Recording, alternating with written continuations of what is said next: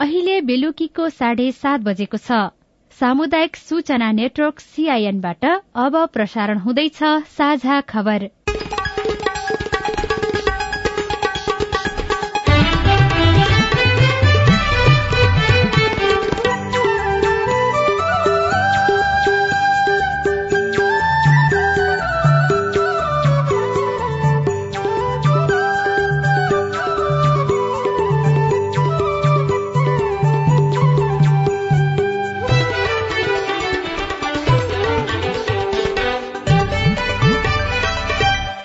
सीआईएनको साझा खबरबाट अविनाश आचार्यको नमस्कार। साझा खबर देशभरिका सामुदायिक radio CIN Khabar dot com सीआईएनको फेसबुक पेज र मोबाइल एप सीआईएनबाट सुन्न सकिन्छ।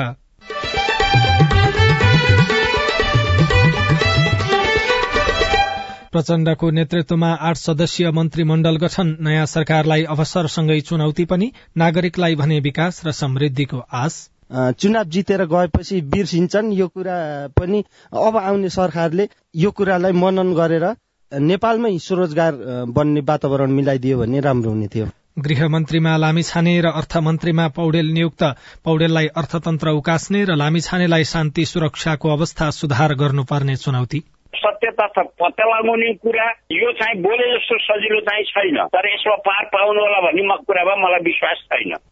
रसायनिक मलमा दिइँदै आएको अनुदान कटौती गर्ने बारे छलफल चल्दै राहदानी बनाउन सर्वसाधारणलाई अझै शास्ति ज्येष्ठ नागरिकसँग भएका ज्ञान र सिप हराउने चिन्ता। थैलेमा थैले चाहिँ त्यो घट्ट जो जुट्दैनन् चाहना अध्ययन के गरौँ त हामी? आउने थैले फाल्ने अनि पाँच दिन पछाडि फिनिन्छ र टी ट्वेन्टी लिगमा जनकपुरको लगातार दोस्रो जित।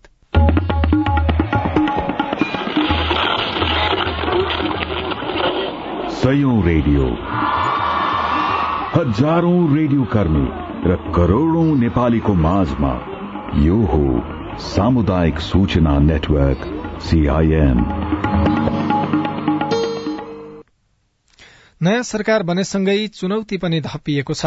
राजनैतिक स्थिरता कायम गर्नु महँगी र भ्रष्टाचार नियन्त्रण गर्नु शान्ति सुव्यवस्था तथा सुशासन कायम गर्नु सरकारको मुख्य चुनौती रहेको छ।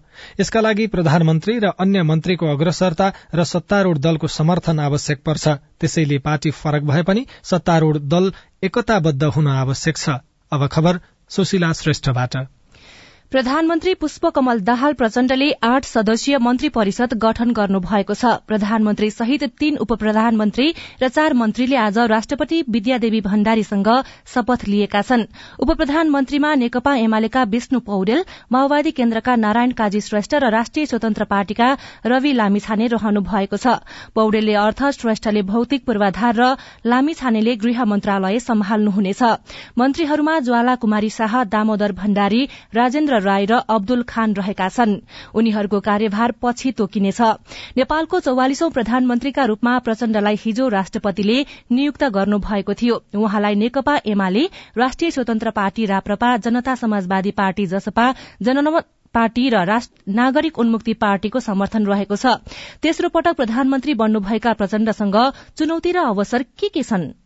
प्रधानमन्त्रीका रूपमा तेस्रो पटक सिंहदरबार प्रवेश गर्दै गर्दा नेकपा माओवादी केन्द्रका अध्यक्ष पुष्पकमल दाहाल प्रचण्डसँग अवसर र चुनौती हाराहारी देखिन्छन्। आफूलाई डाइनामिक लिडर अर्थात गतिशील नेता भन्न रुचाउने प्रचण्डलाई आलोचकहरू चाहिँ अस्थिर नेता भन्छन्। हुन पनि कहिले यता त कहिले उता गरेर कुनै न कुनै रूपमा आफू र आफ्नो पार्टीलाई सत्ताको नजिक राख्न सफल प्रचण्डले भर्खरैसम्म हातेमालो गरिरहेका दलहरूलाई छोड्दै कुनै बेला निकै तिक्त सम्बन्ध रहेको दलसँग सहकार्य गर्ने निर्णय लिनु आफैमा सानो जोखिम देखिँदैन। त्यसैले पनि प्रचण्डको पहिलो चुनौती नयाँ गठबन्धनको औचित्य पुष्टि गर्नु नै हुनेछ।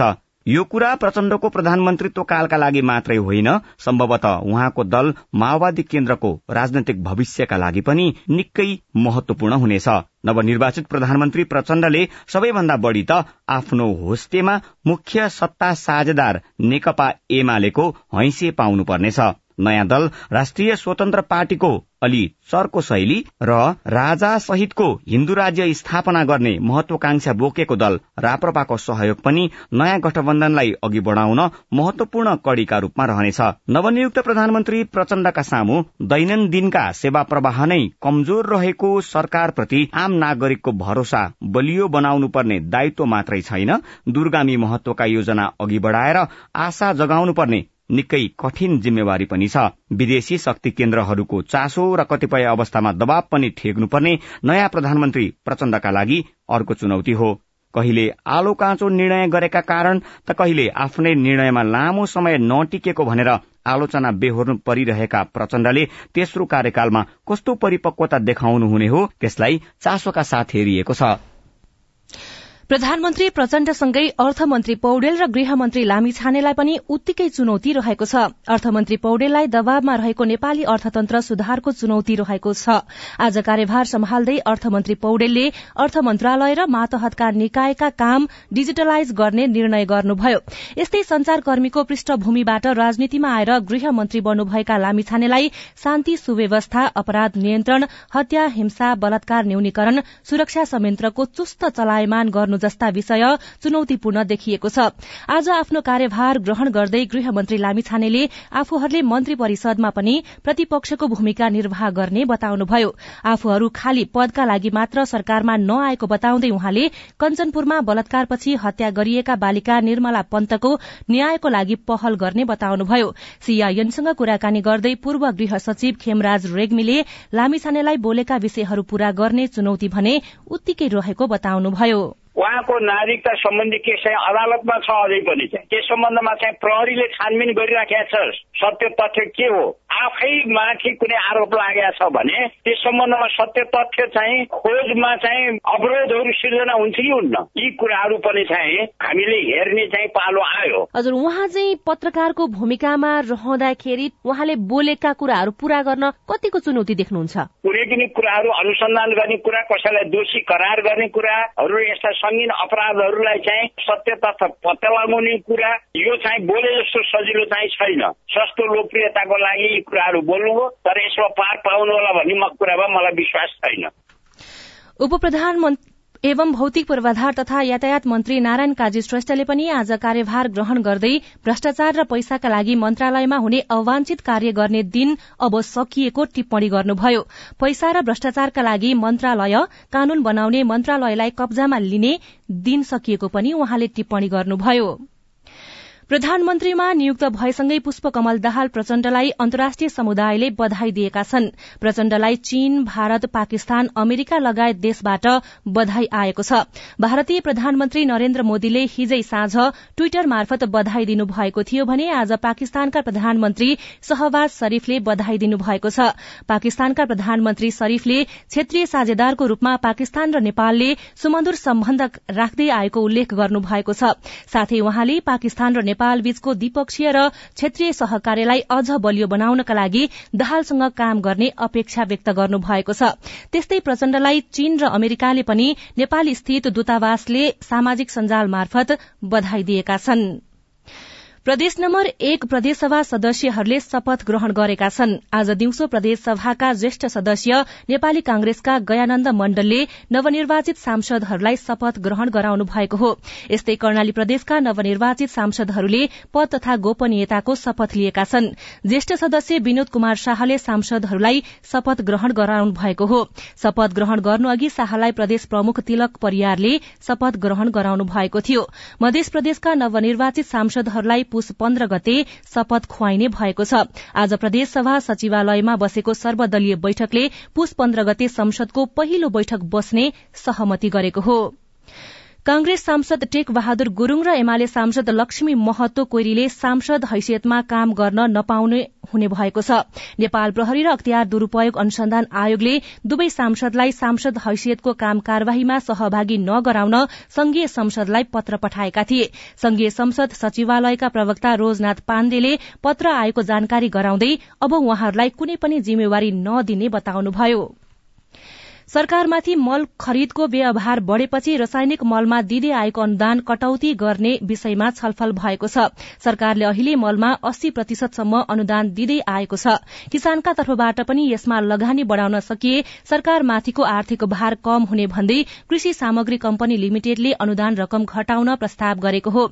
यसबारे छलफल भए पनि कुनै निर्णय भने भइ नसकेको कृषि मन्त्रालयका सूचना अधिकारी प्रदीप चन्द्र भट्टराईले सीआईएनसँग बताउनुभयो।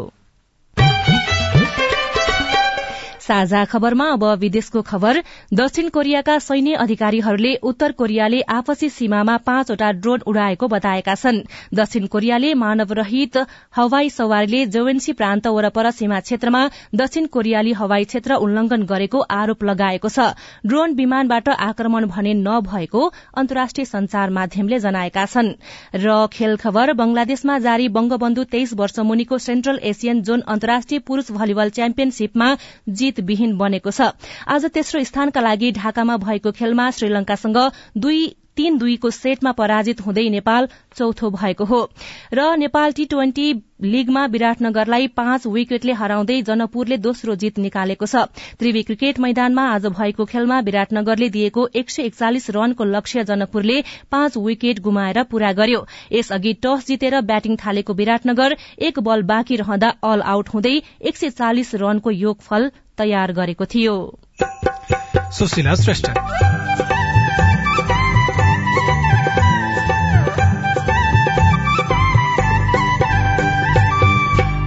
ज्येष्ठ नागरिकमा रहेको परम्परागत सिप हराउँदै जाने चिन्ता।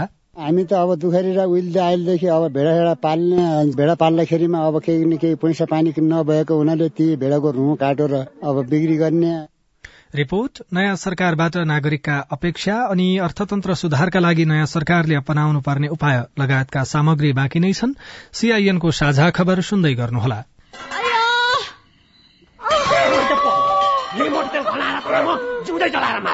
ए बुढा! बुढा! लाउन नि त्यो माइलाले त मार्ने भयो त माइलीलाई। मटी त पो खनाउँदैछ त। नि झट्टै पुलिस बोलाइदिनु त। हो त पुलिसलाई खबर नगरी भएन। यसले त अति नै गर्न लाग्यो। एक शून्य शून्य। Hello police station? लौन तपाईँहरू झट्टै यो जिल्ला अस्पताल लिएर आइदिनु पर्यो।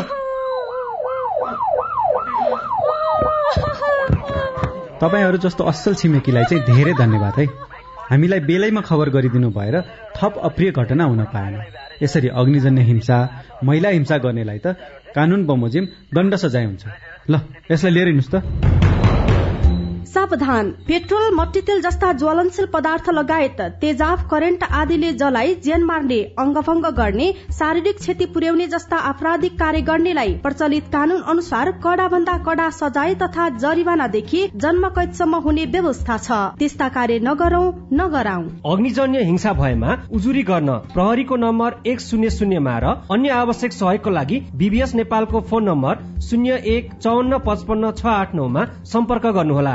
अग्निजन्य हिंसा विरूद्धको अभियानमा एक्सन एड नेपाल र बीभीएस नेपालद्वारा जनहितमा जारी सन्देश। सामाजिक रूपान्तरणका लागि यो हो सामुदायिक सूचना नेटवर्क सीआईएन तपाई सामुदायिक सूचना नेटवर्क सीआईएनले काठमाडौँमा तयार पारेको साझा खबर सुन्दै हुनुहुन्छ।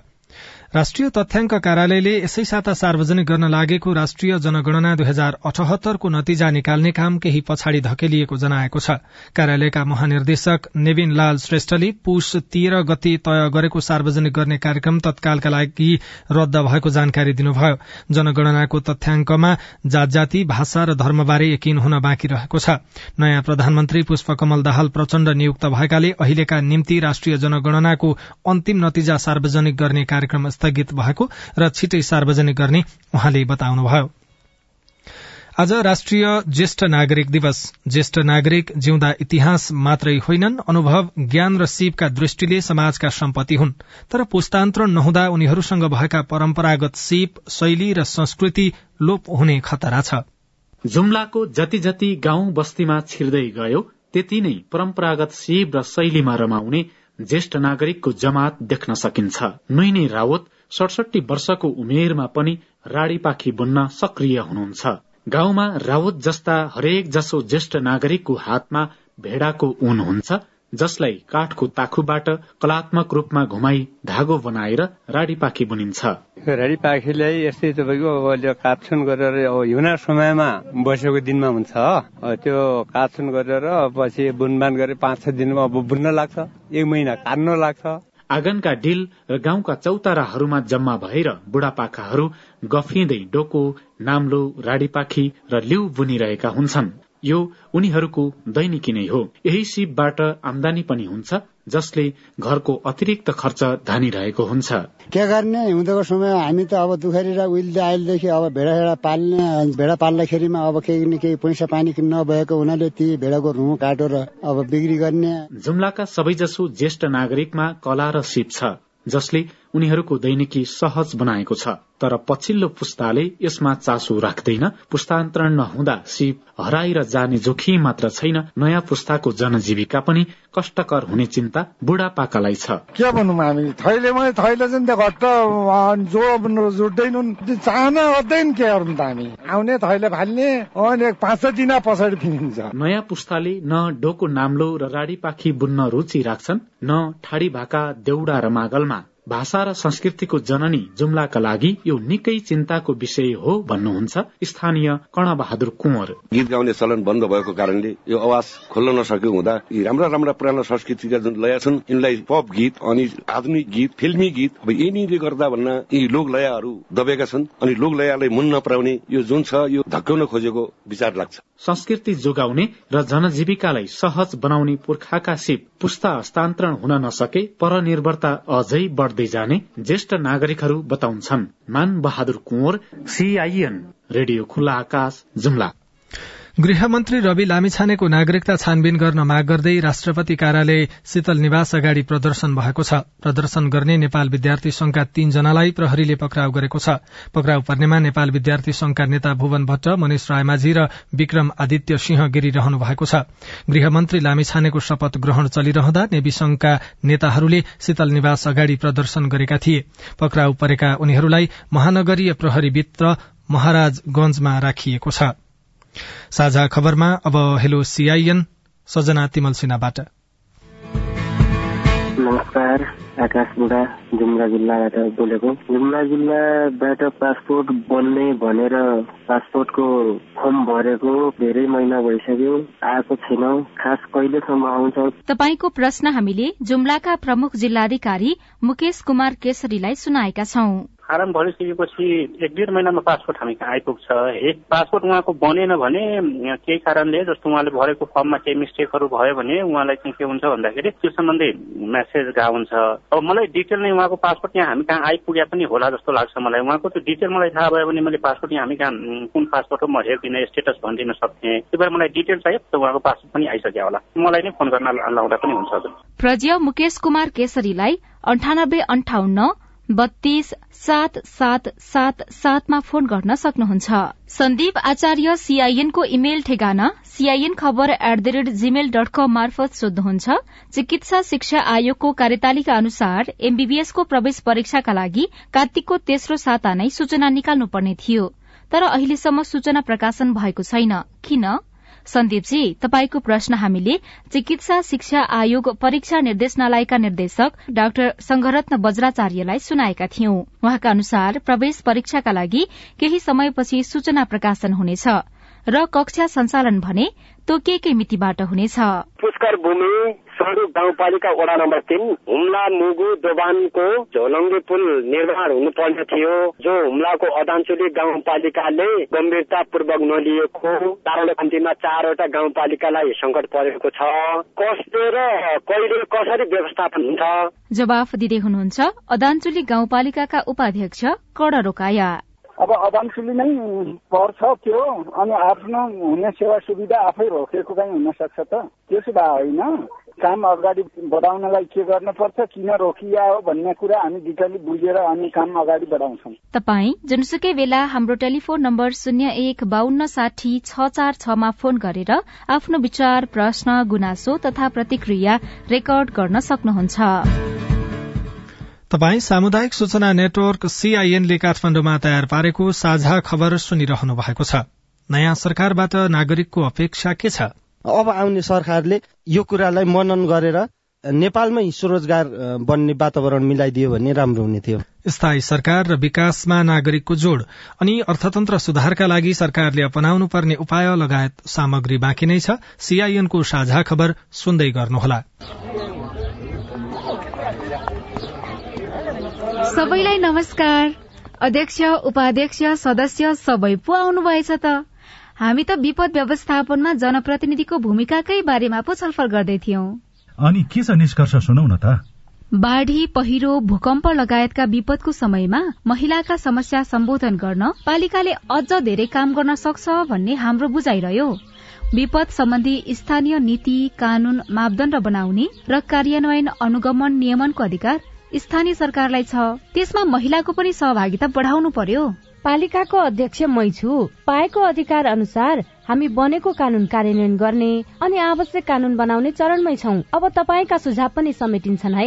विपदको तयारी र प्रतिकार्यका लागि पालिकामा रहेको संयन्त्र र योजना अनि नीतिहरू महिला बालबालिका अपाङ्गता भएका यौनिक अल्पसंख्यक समुदायका व्यक्तिको आवश्यकतामा आधारित हुनु पर्यो अध्यक्षज्यू। दिदी बहिनीहरूले सही कुरा उठाउनु भयो यहाँ उठेका सबै कुरा कार्यपालिकाको बैठकमा राख्ने प्रतिबद्धता जनाउँदै बरु अध्यक्षज्यू अहिलेसम्म बनेका कानून कस्तो बने? अनि भविष्यमा कस्तो बनाउने भन्ने बारे भोलि नै एउटा छलफल राखौं न हुन्न? विपद पहिले विपदको बेला र विपद पछि कस्तो नीति बनाउने र महिलालाई कसरी सम्बोधन गर्ने भन्ने बारेमा भोलि नै सर्वपक्षीय बैठक गरौं। आएका सुझाव समेटेर बनेका कानून संशोधन र नयाँ कानून बनाउन पालिका तयार छ। विपद सम्बन्धी कानून निर्माण र कार्यान्वयनमा महिलाको अर्थपूर्ण सहभागिता खोजौं। युएन उमनको सहयोगमा ल्याक र अकोराब नेपाल। नेपाल टेलिकमको सूचनाको संसार। होइन के सुनेको यस्तो ध्यान दिएर दोहोरो बोलेको जस्तो नै देख्दिन। तीन दुई एक शून्य शून्य क्या? तीन दुई एक शून्य शून्य? के हो त्यो भने? बुझिन त। ल सुन एनटिसी प्रयोगकर्ताहरूले आफ्नो मोबाइल तथा ल्यान्डलाइनमा तीन दुई एक शून्य शून्य डायल गरी समाचार रेडियो कार्यक्रम खेल र अन्य विषय बारे सन्देशहरू जुनसुकै बेला निशुल्क सुन्न सक्छन्। ओहो। निशुल्क कस्तो सजिलो। समाचार सुन्न छुट्यो भनेर पिर लागेको थियो। अब त म पनि सुनिहाल्छु। कति रे? तीन दुई एक शून्य शून्य। सामाजिक रूपान्तरणका लागि यो हो सामुदायिक सूचना नेटवर्क सीआईएन तपाई सामुदायिक सूचना नेटवर्क सीआईएनले काठमाडौँमा तयार पारेको साझा खबर सुन्दै हुनुहुन्छ। आज नयाँ सरकार गठन भएको छ। प्रधानमन्त्री प्रचण्डको नेतृत्वमा बनेको मन्त्रीमण्डल पूर्ण भएको छैन तर आजै बैठक भने बसेको छ। नयाँ सरकारबाट नागरिकको अपेक्षा के छ? हामीले विभिन्न जिल्लाका नागरिकलाई सोधेका छौं। नमस्कार मेरो नाम मंगलबहादुर रिताङ्गा म पाल्पा जिल्लाबाट। हुन त सबै दलहरूले स्वरोजगारको निम्ति हरेक खालका चुनावको बेलामा हरेक खालका एजेन्डाहरू ल्याउने गरेका छन् र चुनाव जितेर गएपछि बिर्सिन्छन्। यो कुरा पनि अब आउने सरकारले यो कुरालाई मनन गरेर नेपालमै स्वरोजगार बन्ने वातावरण मिलाइदियो भने राम्रो हुने थियो। मेरो नाम उमेश चौधरी हो घर चन्द्रपुर आठ बैजनाथपुर। किसानको लागि जस्तो लोन शिक्षाको सेक्टरमा भयो अनुगमन हुनु पर्यो त्यहाँ। सरकारीमा पनि ब्याज चर्को लिइरहेछ अनुदानको कुरा आउँछ। जसले गरिराखेको छ त्यसले पाउँदैन। कागजी रूपमा पाइरहेको त्यसको अनुगमन हुनु पर्यो। मेरो नाम दिल्ली सापकोटा मेरो घर गैँडाकोट पाँच। नेताहरूलाई पनि समात्ने किसिमको एउटा चाहिँ संविधान हुनुपर्छ। गल्ती गरेमा भ्रष्टाचार गरेमा नेताहरूलाई पनि जेल जाने चाहिँ एउटा चाहिँ कानून बनाउनु पर्छ। त्यो हिसाबको कानून बन्यो भनेदेखि अनि त्यसपछि अनि जनताहरूले चाहिँ सुख पनि पाउँछन् अनि शान्ति पनि हुन्छ। जसले गल्ती गरेको छ त्यसले दण्डित हुने चाहिँ एउटा कानून चाहिँ हुनुपर्छ। त्यही नै हो मेरो भनाइ। कृष्ण आचार्य चन्द्रनाथ एकमा मेरो घर छ। देश गम्भीर अवस्थामा छ। देश पहिचान बिर्सेको छ। न्यायालय खतम छ। प्रशासनमा सुधार छैन। यहाँको पहिचान बिर्सेको छ। बाटोको अवस्था शिक्षा स्वास्थ्य यातायात सम्पूर्ण तहस नहस भएको अवस्था छ। सरकार बनिसकेपछि देशलाई एउटा सुशासनमा अगाडि नयाँ सरकारबाट नागरिकका मात्रै होइन व्यवसायी अर्थ क्षेत्रका पनि आफ्नै अपेक्षा छन्। अर्थतन्त्र सुधारका लागि नयाँ सरकारले गर्न सक्ने काम के हो? हामीले पूर्व अर्थ सचिव कृष्ण हरि बास्कोटासँग कुराकानी गरेका छौं। ठुला शक्ति राष्ट्रहरूको पनि अर्थतन्त्रमा गिरावट आयो। नेपालमा पनि जिडिपी ग्रोथ नै घट्यो। मूल्य अभिवृद्धि आकाशिएर गयो। र एक प्रकारले साना घरेलु मजौला उद्योगहरू एक प्रकार धाराशाही नै भए खास गरी सेवा उद्योगहरू यातायात व्यवसायहरू त बन्द नै भयो। नेपालमा नै हामीले झन् तिन महिनाभन्दा बढी त लकडाउन नै गर्यौँ त्यसले गर्दाखेरि यातायातका साधनहरू गुड्ने चल्ने कुरै आएन। होटेल नचलेपछि मान्छेहरूको आवत जावत नभएपछि सबै होटेलहरू चाहिँ बन्द नै भए रेस्टुरेन्टहरू छ अहिलेको अवस्था केही सुधारोन्मुख हो कि अथवा सुरुवाती अवस्थामा जस्तो थियो त्यस्तै नै छ? करिब चौध महिनापछि हाम्रो पहिलो पटक नेपाल राष्ट्र ब्याङ्कको सूचकाङ्क अनुसार शोधनान्तर बचत अवस्थामा देखिएको छ। व्यापार घाटा त हाम्रो उस्तै नै छ। आयात बढी नै रहेको छ। निकासी चाहिँ बढ्न सकेका छैन। त्यसले गर्दा व्यापार घाटा चाहिँ हामी असाध्यै असन्तुलित अवस्थामा छौँ। जहाँसम्म रेमिटेन्सको पाटो त्यसमा राम्रैसँग सुधार भयो। अहिले करिब बिस प्रतिशत रेमिटेन्स बढिरहेको छ। तर महँगी भने अझै पनि आठ दशमलव पाँच प्रतिशत औसतमा छ।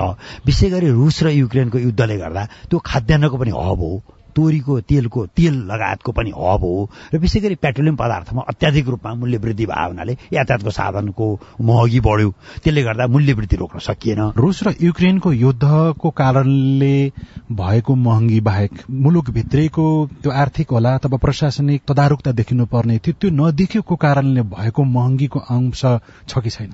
त्यो चाहिँ सही हो। चौहत्तर सालमा हामीले स्थानीय तहको निर्वाचन गर्यौं त्यसपछि स्थानीय सरकार सञ्चालन ऐनले बजार अनुमान गर्ने मूल्य सूची टाँच गर्न लाउने कालोबजारी रोक्ने जिम्मेवारी हामीले स्थानीय तहलाई दियौँ। तर हामीले प्रमुख जिल्ला अधिकारी जिल्ला प्रशासन कार्यालय पनि यथावत राख्यौँ। वाणिज्य विभाग पनि यथावत राख्यौँ। गुणस्तर गुणस्तर गुणस्तर विभाग भनौँ अथवा नाप्तोल विभाग भनौँ अथवा औषधि व्यवस्था विभाग भनौँ ती यथावतै रहे। त्यसले गर्दा कन्फ्युजन भयो। कसले बजार अनुगमन गर्ने भन्ने विषय दुविधामा रह्यो। अहिलेको महँगी बढ्नु र अर्थतन्त्र खराब स्थितिमा पुग्नुमा बजारको अनुगमन र त्यस अनुसारको कार्यवाही प्रक्रिया कमजोर भएर हो। वास्तविकता यस्तो हुन्छ। जहिले पनि व्यापारीहरूले चाहिँ मौकाको ताकमा रहेका हुन्छन्। बजार अनुगमन गर्ने विषयमा चाहिँ सरकारमा दुविधा भएपछि उनीहरूले चाहिँ कालोबजारी गर्ने मिलिजुली पैसा तोक्ने अथवा फिक्सिङ गर्ने एकरो व्यापार गर्ने अरूलाई व्यापार गर्न नदिने अरूको व्यापारलाई निस्तेज गर्ने कामहरू गर्छन्। यस्तो कारणले गर्दाखेरि चाहिँ नेपालमा अनावश्यक रूपमा चाहिँ मूल्य वृद्धि भयो। अर्थतन्त्र सम्हालिँदै कृषि उत्पादनले बजार पाउने अवस्था नयाँ सरकार नै आएपछि आउने हो कि अथवा अहिलेसम्म पनि केही गर्न सकिन्थ्यो तर त्यो गर्न सकिएन? मेरो विचारमा नयाँ सरकार आएपछि अर्थतन्त्रमा सुधार त निश्चित रूपमा देखिन्छ। तर कृषितर्फ सुधार गर्ने गरी राजनीतिक दल र अहिले निर्वाचित भएका जनप्रतिनिधि जे कुरो भन्नुभएको छ घोषणा पत्रमा त्यो कुरा एक प्रकारले अङ्ग्रेजीमा फल्स होप भन्छ। यी फजुल कुरा हुन् उहाँहरूले गर्नुहुन्न। त्यसो भए सरकार नयाँ आउने बित्तिकै अर्थतन्त्र सुधार हुने पुरानै सरकार हुँदाखेरि त्यो खराब हुने स्थिति यसमा के कुराले काम गरिराखेको छ? मूलत के हुन्छ भने मनोविज्ञान महत्वपूर्ण कुरा हुन्छ। पुरानो सरकार हुन्जेल तरलताको अवस्था थियो। राजनीतिक तरलता हुने बित्तिकै स्टक मार्केट घट्ने सुन जस्ता चिजहरूको तस्करीहरू बढ्ने मान्छेले पैसा होर्डिङ गर्ने बैङ्कमा नराख्ने अदृश्य कारोबारहरू कालोबजारिया हुने। हाम्रो खुल्ला सिमाना छ तस्करीहरू हुने काम हुन्छ। नयाँ सरकार आइसकेपछि मान्छेले स्टेबल छान्छ। त्यसले गर्दा बोरामा राखेको पैसा अथवा तक्याउने राखेको पैसा बैङ्कमा लिएर जान्छ। बैङ्कले लगानी गर्न सक्ने वातावरण हुन्छ। नयाँ सरकार पाँच वर्षको लागि बन्छ भनेपछि व्यापारीहरूले पनि पाँच वर्षको नीति चाहिँ यो भएर त्यो नीति अनुसार लगानी गर्छन्। र बाहिरबाट आउने एफडिआई फरेन डाइरेक्ट इन्भेस्टमेन्ट पनि नयाँ सरकार गर्नु भएपछि मात्रै आउने विश्वव्यापी अनुभव छ। नेतृत्वमा कोही व्यक्ति दोहोरिनु र नयाँ आउनुले चाहिँ अर्थतन्त्रमा केही सकारात्मक नकारात्मक असर पार्छ कि पार्दैन? पहिलो कुरो त निर्वाचनको बेलामा चाहिँ अर्थतन्त्र खुम्चिन्छ। निर्वाचनपछि नयाँ सरकार जस्तोसुकै आए पनि अर्थतन्त्र सुदृढ भएर जान्छ। त्यो जस्तोसुकै आउने सरकारमा चाहिँ अलिकति दूरदृष्टि भएको शारीरिक रूपमा पनि तन्दुरुस्त मानसिक रूपमा पनि सन्तुलित भएको सबैलाई साथ लिएर जान सक्ने। अहिले विश्वव्यापी रूपमा नेपालको के चिज बिक्री हुन सक्छ? नेपालमा खास गरी खानीको ठूलो सम्भावना छ युरेनियमसम्म हामीसँग उपलब्ध छ। खास गरी जडीबुटीको नेपालमा ठूलो सम्भावना छ। सरकार आइसकेपछि पनि मन्त्रालयगत रूपमा अब अर्थ मन्त्रालय हुन सक्छ अथवा अरू सरकारवाला मन्त्रालय जसले आर्थिक स्थितिलाई सुधार गर्नको लागि योगदान दिनुपर्छ। ती मन्त्रीहरूको ती मन्त्रालयहरूको भूमिका चाहिँ कस्तो रहनुपर्छ? वास्तवमा यस्तो कुरा हो। अब राति हुन्जेलसम्म चाहिँ मान्छेले लुगा सुकाउन सक्दैनन्। बिहान चाहिँ घाम झुल्केपछि लुगा सुकाउन थाल्छन्। अब लुगा सुकाउँदा कहिले कतापट्टि छाया पर्छ कहिले कतापट्टि के पर्छ र लुगालाई विभिन्न सारिन्छ? त्यस्तै हो। नयाँ सरकार गठन नहुने भनेको अँध्यारो अवस्था थियो। नयाँ सरकार गठन हुने भनेको घाम झुल्के जस्तो अब घाम झुल्किसकेपछि जसरी लुगा चाहिँ कहाँनिर घाम पर्यो त्यहीँनिर चिसो लुगा सुकाइन्छ भने जस्तै मन्त्रीहरू अनुसार फरक पर्छ। यसर्थ अर्थ मन्त्रालय भनेको जसले नेतृत्व लिन्छ। त्यो चाहिँ अलिकति आर्थिक रूपमा व्यवसायी किनभने त अर्थतन्त्रलाई निजीकरणमा लिएर गएका छौँ निजी क्षेत्रलाई अर्थतन्त्रको मेरुदण्ड हो भएर स्वीकार गर्न सक्ने मान्छे त्यहाँ नेतृत्वमा आउनुपर्छ त्यसले चाहिँ आफूलाई सपोर्टिङको रूपमा चाहिँ राष्ट्रिय योजना आयोगको उपाध्यक्ष र नेपाल राष्ट्र ब्याङ्कको गभर्नर चाहिँ सप्लिमेन्ट्री कम्प्लिमेन्ट्री रूपमा जानुपर्छ। र उद्योग वाणिज्य तथा आपूर्ति मन्त्री पनि अर्थमन्त्रीलाई सघाउने हुनुपर्छ। र प्रधानमन्त्री आफै पनि अर्थतन्त्र सुदृढीकरण गर्नलाई योग्य हुनुपर्छ। प्रधानमन्त्री प्रचण्डको नेतृत्वमा आठ सदस्यीय मन्त्रीमण्डल गठन भएको छ। प्रधानमन्त्री प्रचण्डको लागि अवसर र चुनौती दुवै बराबरी छ। नागरिकले भने नयाँ सरकारबाट विकास र समृद्धिको आश गरेका छन्। गृहमन्त्रीमा रवि लामिछाने र अर्थमा विष्णु पौडेल नियुक्त हुनु भएको छ। प्रदेश एक र कर्णालीका सांसदहरूले शपथ ग्रहण गरेका छन्। मध्य प्रदेशका सांसदले भने पुष पन्ध्रमा शपथ लिनेछन्। रासायनिक मलमा दिइँदै आएको अनुदान कटौती गर्ने बारे छलफल भइरहेको छ। राहदानी लिन सर्वसाधारणले अझै शास्ति खेप्नु परिरहेको छ। पुस्तान्तरण नहुँदा ज्येष्ठ नागरिकसँग भएका ज्ञान र सिप हराउने चिन्ता बढ़ेको छ र टी ट्वेन्टी लीगमा जनकपुरले लगातार दोस्रो जीत निकालेको छ। हवस् त आजलाई साझा खबरको समय सकियो। प्राविधिक साथी सुरेन्द्र सिंहलाई धन्यवाद। भोलि पुष बाह्र गते बिहान छ बजेको साझा खबरमा फेरि भेटौँला। अहिलेलाई अविनाश आचार्य पनि विदा हुन्छु। नमस्कार शुभरात्री।